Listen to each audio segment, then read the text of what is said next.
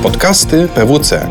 Odpowiadamy na istotne pytania dotyczące Twojej firmy: podatki, prawo, biznes, finanse i technologia. Nagrania są dostępne na pwc.pl łamane przez podcasty. Dzień dobry, nazywam się Jakub Gołębiowski i witam Was na falach podcastów PWC. Dzisiaj zajmiemy się wdzięczną tematyką, tematyką life sciences, czyli po prostu nauk biologicznych. To bardzo szeroki obszar, a dokładnie o tym, czym się dzisiaj będziemy zajmować, opowiedzą nam za chwilę Maciej Żelewski, starszy konsultant w zespole prawno-podatkowym PWC. Dzień dobry. Dzień dobry. I Maciej Nowicki, mamy więc dzisiaj dwóch Maciejów, starszy menadżer również w zespole prawno-podatkowym. Witam serdecznie. Dzień dobry Państwu, cześć Kuba. To może zacznijmy w takim razie od takiego pytania, które mi się samo nasuwa, no bo y, jesteście y, specjalistami z zakresu nauk prawnych i opiekujecie się też obszarem podatkowym. Jak właściwie to wiąże się z tymi naukami biologicznymi? Czy, to może, może zacznę, zacznę od nie tyle historii, co może troszeczkę rozwinę to, czym się opiekujemy, bo szczerze powiedziawszy, to chyba też Maciek to potwierdzi. No, naszą pasją, od, przynajmniej moją, od, nie, nie, nie powiem od urodzenia, ale od czasu mojej kariery zawodowej była branża farmaceutyczna. Mm, na takiej zasadzie, że interesowałem się tym, co się dzieje w branży, interesowałem, co się dzieje na świecie, na świecie w branży, e, co, co naturalnie spowodowało, że, że pracując e, tu, gdzie pracuję i zajmując się jednak podatkami, ja przynajmniej, za chwilę Maciek pewnie opowie o, o swojej historii, e, to połączyłem to w ten sposób, że e, bardzo mocno chciałem wchodzić i wchodziłem w branżę, branżę farmaceutyczną w kontekście podatków. Od tego się zaczęła moja, moja szeroka, szeroka miłość do branży, no i to później się rozszerzało na inne gałęzie. No mnie trochę podobnie, co prawda rodzinnie powiązanie medyczne bardzo mocne, cała rodzina nie ma, że dziada, pradziada w branży albo, albo właśnie po drugiej stronie jako, jako lekarze, dlatego zawsze gdzieś ta farma dla mnie była istotna. Jak rozpoczynałem karierę, no to podwylądowałem od razu też w branży, która mnie zawsze interesowała. Długo miałem być lekarzem, natomiast w którymś momencie los zechciał, że zostałem, zostałem prawnikiem.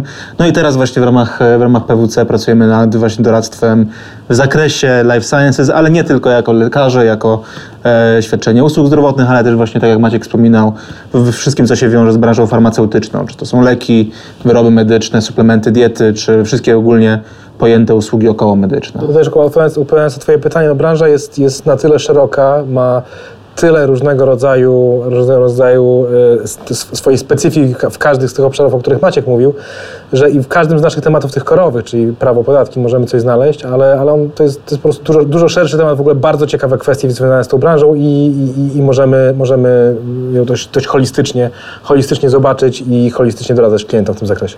No zwłaszcza, że jest to branża jednak i dla wszystkich, dla wszystkich istotna i o znaczeniu publicznym i społecznym dla każdego jednak. Bardzo, duże, bardzo duża dynamika, bardzo dużo rzeczy się zmienia. E, priorytety no, są jednak mocne i pod, i pod kątem polityki państwowej, pod kątem jednak obowiązków z takiego z punktu widzenia konsumentów i e, normalnego obywatela, dlatego staramy się w tym zakresie wspierać, właśnie pokazywać, jak będzie mówi, szerokie podejście i identyfikowanie tych zarówno istotnych już teraz elementów, jak i trendów tego, co się zmienia, co koniec końców ma doprowadzić do tego, żeby naród był zdrowy i, e, i chował się w dobry sposób. W dobrostanie. No tak, to, to, to jest kluczowe. No cieszę się, że wspieracie to również na tym odcinku. Natomiast e, powiedzieliście, że w tej ochronie zdrowia dużo się zmienia. No przeciętnie, kiedy rozmawiamy o tym, co zmienia się w ochronie zdrowia, to z reguły ogniskujemy się albo na finansowaniu tego w sposób centralny albo zdecentralizowany, albo mamy na myśli szpitale, które akurat e, podlegają kolejnemu procesowi oddłużenia. A teraz z Waszej perspektywy, Jakie są te najważniejsze trendy, o których Wy byście mogli powiedzieć? Czyli coś, co powiedzmy poza tym mainstreamem informacyjnym się pojawia? Jasne, to ja może, może zacznę od, od, od trochę od historii, bo tak naprawdę ostatnia taka bardzo poważna zmiana w sektorze miała miejsce, pomijając już sieć szpitali, która, która zadziała, się, zadziała się bardzo niedawno, to, to w 2012 roku była ustawa refundacyjna, która wprowadziła pewne dodatkowe założenia dotyczące polityki finansowania polityki lekowej państwa. I od czasu ustawy refundacyjnej y, generalnie nacisk był, nacisk był w zmianach w ochronie zdrowia raczej na tą część healthcare, healthcare czyli tą ochronę zdrowia rozumianą właśnie jako szpitale, jako kontraktowanie, jako, jako polityka NFZ w zakresie finansowania szpitali i tam ta koncentracja szła. Natomiast, y, natomiast no, y, w ostatnim czasie no przede wszystkim taki dokument powstał, y, Polityka Lekowa Państwa 2018-2022 i to jest coś, co, co, co z naszej perspektywy jest, jest, jest niezmiernie interesujące. Jest to 130-stronicowy dokument, który w gruncie rzeczy pokazuje, pokazuje kierunki, pokazuje trendy, w których, których polityka lekowa państwa dotycząca szeroko rozumianego y, procesu refundacji i finansowania leczenia y, ma iść. I to jest takim pewnie zaczątkiem, naszym zdaniem, będzie i czekamy na to bardzo mocno, nad wprowadzeniem pewnych zmian legislacyjnych, które tą politykę lekową posuwają do przodu. Tam to jest kilka, to jest dokument dostępny publicznie, jest kilka bardzo ciekawych y, elementów, y, które, które pokazują, w którą stronę, w którą stronę polityka państwa iść, więc no, to jest między innymi zwiększenie dostępności do produktów leczniczych na poziomie, na poziomie pacjenta. To jest w pewnym stopniu zmniejszenie lub redystrybucja tak zwanego copaymentu, czyli współpłatności. To jest też y, y, zastanowienie się nad, nad sytuacją aptek w tej chwili, czy, czy te apteki nie powinny jednak być troszeczkę bardziej wspierane przez system. Y, Jest tam tych postulatów ki- kilkanaście, y, kilkanaście co, co w kontekście tego, że cały czas słyszymy w tym mainstreamie, o którym wspomniałeś, 6% wydatków na opiekę zdrowotną PKB. My sobie z Maćkiem to też obliczamy. No to jakieś dodatkowe 7 miliardów do, do budżetu NFZ-u, a dodatkowe 7 miliardów budżetu NFZ-u y, pozwala chociażby w zakresie polityki lekowej na dodanie do takiego poziomu. Jest, mamy, w polityce lekowej mamy poziom 17% wydatków NFZ-u, maksymalnie może iść na, na, na leki refundowane. To jest dodatkowe 2 miliardy złotych na, na leki. No i trzeba w tym jakoś zarządzić, w, ten, w, w tym sensie, że no, trzeba zorganizować te dodatkowe pieniądze, które potencjalnie pójdą, y, no, w sposób, który pozwoli na zrealizowanie tych celów y, wynikających z polityki lekowej. Natomiast finansowanie to jest tylko jeden aspekt, prawda? bo to jest powiększenie tej ogólnej e, puli pieniędzy, które są dostępne na, na finansowanie. Natomiast drugą częścią tego medalu e, jest sposób, w jaki jest to alokowane i sposób, w jaki jest zarządzanie wydatkami tymi, e, czy to właśnie NFZ-u, czy już poszczególnych uczestników w całym systemie opieki zdrowotnej. Bo tu nie chodzi tylko i wyłącznie o to, żeby dorzucić więcej pieniędzy, ale żeby w sposób jasny i określony pokazać po pierwsze, gdzie te pieniądze są alokowane, jakie są priorytety, na czym państwo chce się skupić, ale też z drugiej strony monitorowanie wydolności całego systemu, tak? czyli weryfikacja, czy pieniądz jest dobrze wydawany, a jeżeli już jest wydawany z publicznych pieniędzy, czy nie doprowadza do pewnych nadużyć. Tak? No, mówimy na przykład, coraz głośniej się mówi poza zwiększeniem finansowania o problemach z dostępnością leków, czy to spowodowane eksportem, e, nielegalnymi działaniami, czy nawet e, po prostu okolicznościami, które się dzieją na rynku światowym, tak? czyli ograniczenie czy zmniejszenie dostaw e, substancji z poza Unii Europejskiej nawet, które przekładają się już wtedy bezpośrednio na, na sposób zarządzania i na sposób na dostępnością e, tych, e, tych leków. Więc z jednej strony oczywiście to jest kwestia finansowania, z drugiej strony to jest cały ten aparat prawno-nadzorczy i też zarządzania, który już determinuje w jaki sposób e, i gospodarka, i sposób, gospodarka lekowa, ale też gospodarka narodowa jest wspierana e, i wszyscy pracują razem w tym celu właśnie, żeby spełnić te postulaty e, deklarowane w polityce lekowej. Tak? I tutaj odnosząc się do przykładów tego, co się dzieje ostatnimi, ostatnimi laty na, na rynku, no to tak jak Maciej wspominał, dostępność leków jest jednym z, klu- z kluczowych elementów em, z takiego też punktu widzenia pacjenckiego, no to w tym zakresie wprowadzone przez, e, przez rząd nowe metody monitorowania rynku. Mówimy tutaj o systemie e, tak zwanym SMOP, czyli systemie w ogóle cało, całości nadzoru nad obrotem farmaceutycznym w Polsce.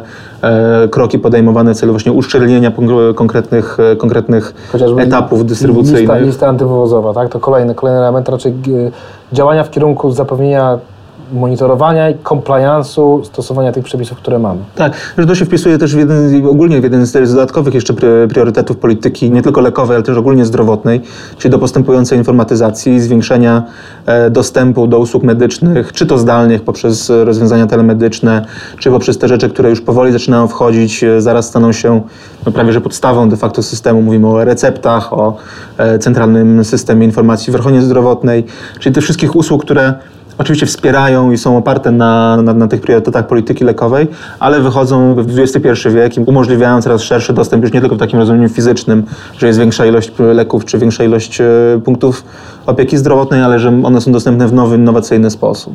Nie, Czy ja mam wrażenie, że, że jesteśmy, jesteśmy znowu w takim momencie, gdzie regulacje trochę po raz kolejny nie nadążają za tym, co się dzieje na świecie, a właściwie w Polsce, tak? chociaż Polska jest elementem globalnego rynku farmaceutycznego, więc też na świecie.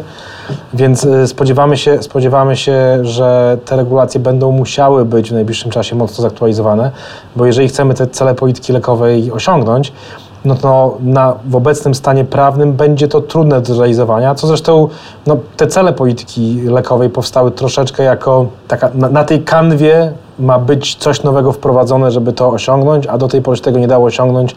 Czy to z punktu widzenia tego, że takie były, takie były regulacje, a nie inne, czy też może były inne uwarunkowania, y, chociażby biznesowe i współpraca z uczestnikami rynku, no, no trudno powiedzieć. Natomiast no, te regulacje powinny na pewno się zmienić, ale z drugiej strony też y, widać trochę większą współpracę może nie tyle widać trochę większą współpracę, no już, to już trochę bardziej kwestia ostatnich, ostatnich dni czy tygodni, y, bo no, historyczne dość porozumienie y, Infarmy, Polskiego Związku Pracodawców Firm Farmaceutycznych i Stowarzyszenia Farmacja Polska, porozumienie w zakresie leków biologicznych, czyli, czyli trzy organizacje, które skupiają tak naprawdę właściwie no, prawie 100% rynku farmaceutycznego w Polsce. To jest różne firmy o różnych profilach, o różnych może celach E, dogadały się co do, co do tego, e, czego oczekują od rządu polskiego w zakresie leków biologicznych. Leki biologiczne, czyli tak naprawdę nie takie leki powiedzmy tabletkowe, ale trochę bardziej leki, e, leki które wyrastają w laboratorium, w cudzysłowie. I, i to, to, to pokazuje, że doszliśmy do takiego etapu, że są pewne postulaty, które są akceptowane przez wszystkich uczestników rynku farmaceutycznego, oni działają razem, no i zazwyczaj w takich sytuacjach był odzew ze strony państwa. W przypadku ustawy refundacyjnej to był na przykład y, no, dość, dość mocny postulat aptekarzy, żeby tą, tą ustawę wprowadzić. Tutaj mamy postulat rynku farmaceutycznego, firm farmaceutycznych. Zobaczymy. Natomiast, natomiast tak jak Maciek powiedział, digitalizacja postępuje, aczkolwiek może nie w tempie, w jakim, w jakim spodziewano się. Natomiast są programy, programy dotyczące recepty, jest SMOPL, jest lista antywywozowa, coraz więcej, coraz więcej rzeczy widzimy w domenie mm, digital. No i znowu, i troszeczkę, i troszeczkę regulacje na tym nie nadążają, więc wydaje mi się, że to jest taki trochę przełomowy rok, szczególnie to jest pierwszy rok nowego, nowego starego rządu. To może ja tutaj bym się na chwilę zatrzymał, bo to, że cała legislacja nie nadąża za rozwojem technologii, to przejawia nam się w wielu tematach rozmowy. Takie same argumenty podnosili czy przewoźnicy. Tutaj są aplikacje do zamawiania przejazdów typu Uber lub Bolt.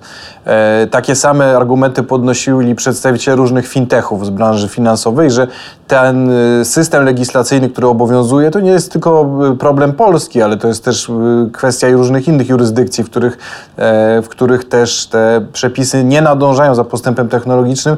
Nie są one są po prostu dostosowane do tego, jak zmienia się rynek. A teraz, skoro jesteśmy już u wrót tego 2020 roku, to co jest najważniejszym kierunkiem, w którym nasz ustawodawca powinien działać, żeby no, nie tyle antycypować to, co się dzieje, ale nadganiać te braki, które, które wymagają naprawienia?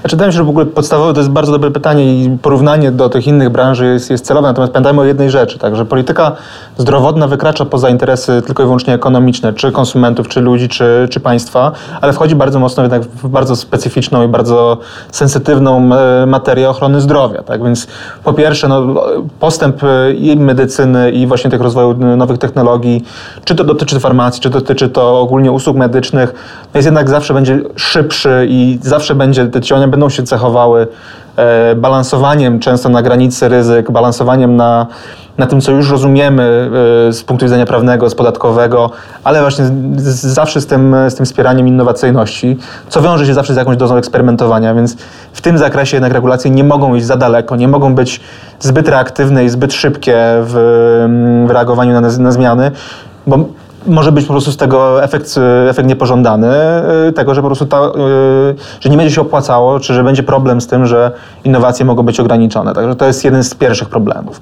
Natomiast drugi problem jest, y, jest taki, że jednak wszystkie te zmiany, tak jak Maciej mówił, zmiana, no, ta ostatnia istotna zmiana, duża y, ustawa refundacyjna, no ona zawsze będzie, ona jest przykładem właśnie tego, gdzie trzeba było wyważyć kilka interesów równolegle. Trzeba, zawsze trzeba wyważyć interes płatnika publicznego, e, różnych interesariuszy, czy to właśnie tak jak Maciej mówił na rynku aptekarskim, na rynku farmaceutycznym i te zmiany, które no, są wymagane, bo jednak nie, nie zawsze E, obecne systemy, obecne rozwiązania prawne, podatkowe, one nie, nie, nie, odnoszą się do tego, co faktycznie się dzieje na, na rynku. Natomiast trzeba uważać właśnie, żeby nie wylać dziecka z kąpielą i nie wyrzucić czyichś interesów, e, nie, e, nie przeważyć tej szali w złą stronę, żeby właśnie te efekty niepożądane nie przeważyły. I teraz jeszcze odpowiadając na Twoje pytanie, jakie konkretne zmiany, zmiany widzimy? Z mojej perspektywy ja widzę, ja widzę dwa takie obszary, a właściwie trzy obszary Po pierwsze, y, coś co my, my też jako firma robimy mm, od dłuższego czasu, czyli indeks sprawności ochrony zdrowia. To jest taki raport, który my corocznie, mm, corocznie wypuszczamy, pokazujący tak naprawdę porównanie w ramach województw, jak wygląda, jak wygląda działalność jednostek ochrony zdrowia, szpitali. Na podstawie mamy kilkanaście, kilkadziesiąt wskaźników wręcz i pokazujemy, y, w którym województwie y, poprawa życia mieszkańców, czy też efektywna gospodarka finansowa idzie lepiej, w którym gorzej. I to jest coś, y, w czym no, Narodowy Fundusz Zdrowia ma te dane dostępne. I w ja- w jaki sposób benchmarkowanie, porównywanie jednostek ochrony zdrowia i w cudzysłowie nagradzanie ich lepszymi lub szerszymi kontraktami, no to jest coś, co, co jest z punktu widzenia tak, kogoś takiego jak ja, czyli człowieka, który raczej dość mocno się, się stara i zajmować ekonomią, to jest, to jest logiczne, tak? Logiczne, żebyśmy wiedzieli tak naprawdę, kto jest efektywny, kto nie jest efektywny. W tej, w tej chwili tej wiedzy na obiektywnych wskaźnikach y, nie ma y, dostępnej. No i z tego, i to już przechodząc na legislację, z tego no, powinniśmy wynosić jakieś wnioski. Tak? No to jeżeli ktoś działa od wielu lat nieefektywnie, to może nie jest to naj, naj, najlepszy e, model działania. A, a druga trochę podobna, podobna kwestia do tego, e, to jest tak naprawdę e, w przypadku polityki lekowej, mm, to są RSS-y. To o tym było mówione bardzo dużo. To są tak naprawdę instrumenty dzielenia ryzyka, to czyli IDR-y po polsku, risk, sharing po, po angielsku, czyli dostępne mechanizmy na podstawie ustawy refundacyjnej, które nie są wykorzystywane, jakiejś współpracy pomiędzy firmą farmaceutyczną a regulatorem, a ministrem zdrowia, tak żeby na podstawie praktyki, konkretnych monitorowanych efektów otrzymać, a właściwie udzielić z punktu widzenia ministerstwa, otrzymać z punktu widzenia firmy refundację pewnego wysokospecjalistycznego leku chociażby i być rozliczanym przez ministerstwo z efektów y, tego, czy leczy, czy nie leczy, na tej podstawie wywodzić pewne skutki, czy też finansowe, czy y, dotyczące dalszej refundacji. No, takiej współpracy na razie nie ma. Jest, ale w bardzo śladowym zakresie. Na razie to jest wszystko kwestia, kwestia ceny, co oczywiście też jest bardzo ważne, natomiast ustawa refundacyjna przewiduje możliwość naprawdę zrobienia bardzo ciekawych, ciekawych takie, takiej współpracy publiczno-prawnej w tym zakresie. E, I, i, I myślę, że to w tą stronę powinniśmy to jakoś ułatwić powinniśmy spróbować, czy to legislacyjnie, czy, czy też e, z punktu widzenia praktyki, w jakiś sposób zmotywować, zmotywować obie strony do współpracy w tym zakresie, no bo my wtedy jako pacjenci wszyscy, wszyscy po prostu no, będzie mieli lepiej.